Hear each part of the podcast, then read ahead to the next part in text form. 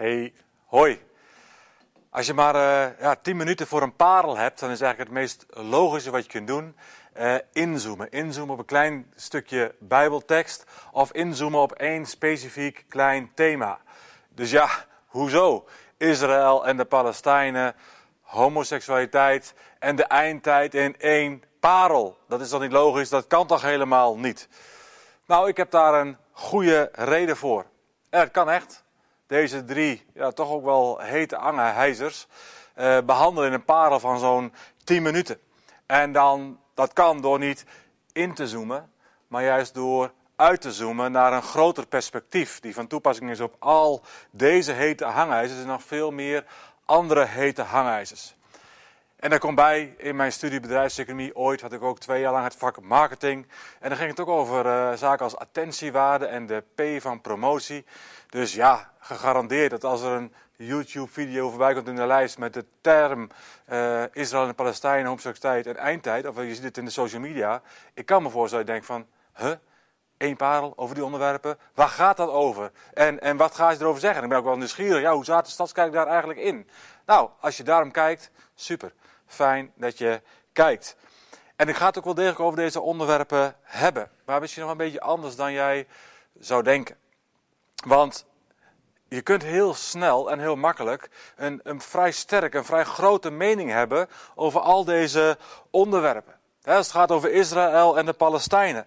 Ja, er is een, een groep die, die eigenlijk een, een stik, of, of, of ja, alles waar de sticker Israël op zit, is per definitie goed.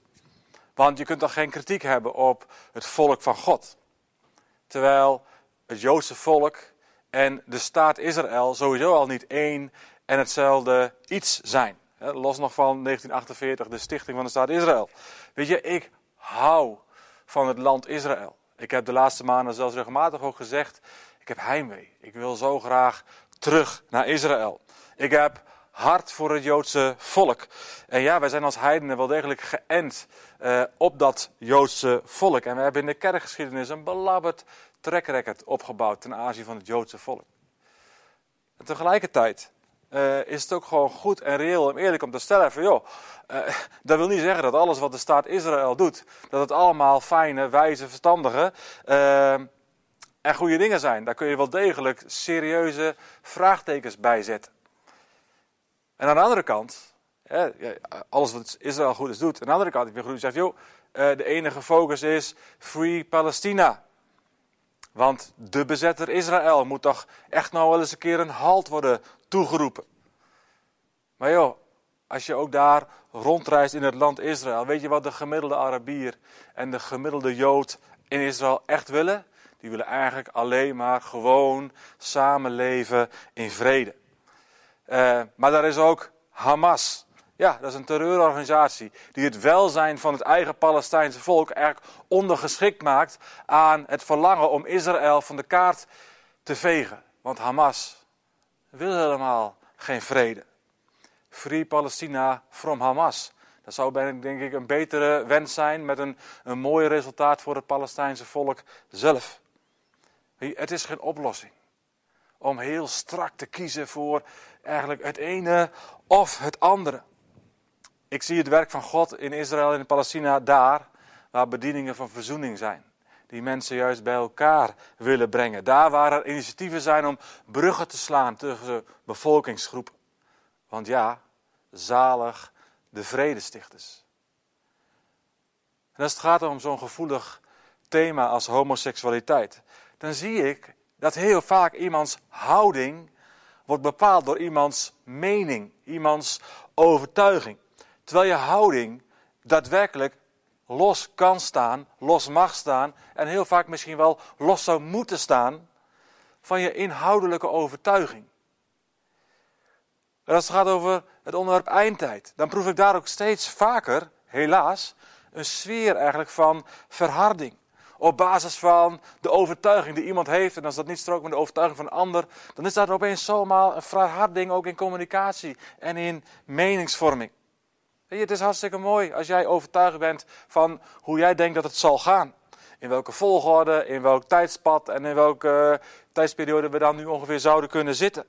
en wat corona en vaccins er nou wel of niet mee te maken hebben. Prima, maar, maar in het praten over Israël en Palestina, in het praten over homoseksualiteit, in het praten over zaken met eindtijd of welk ander ja, groot heikel onderwerp dan ook. Weet je, er is maar één overkoepelend gebod. En dat is heb lief. Heb gewoon lief. God liefhebben boven alles en je naaste als jezelf. Dus als het gaat om eindtijdscenario's en alle denken daarover, in dat kader ook alle voor's en tegens tegen vaccinatie en de verharding en, en, en ja, alles wat er maar omheen kan zitten aan meningsvorming en ingewikkeld vinden met elkaar, dan is ook daar allereerst jouw en mijn opdracht. Heb lief. Wees een vredestichter. En hoe jij ook denkt over een onderwerp als homoseksualiteit. En de mensen om je heen die worstelen eh, met die gevoelens en daar een weg in proberen te vinden met God.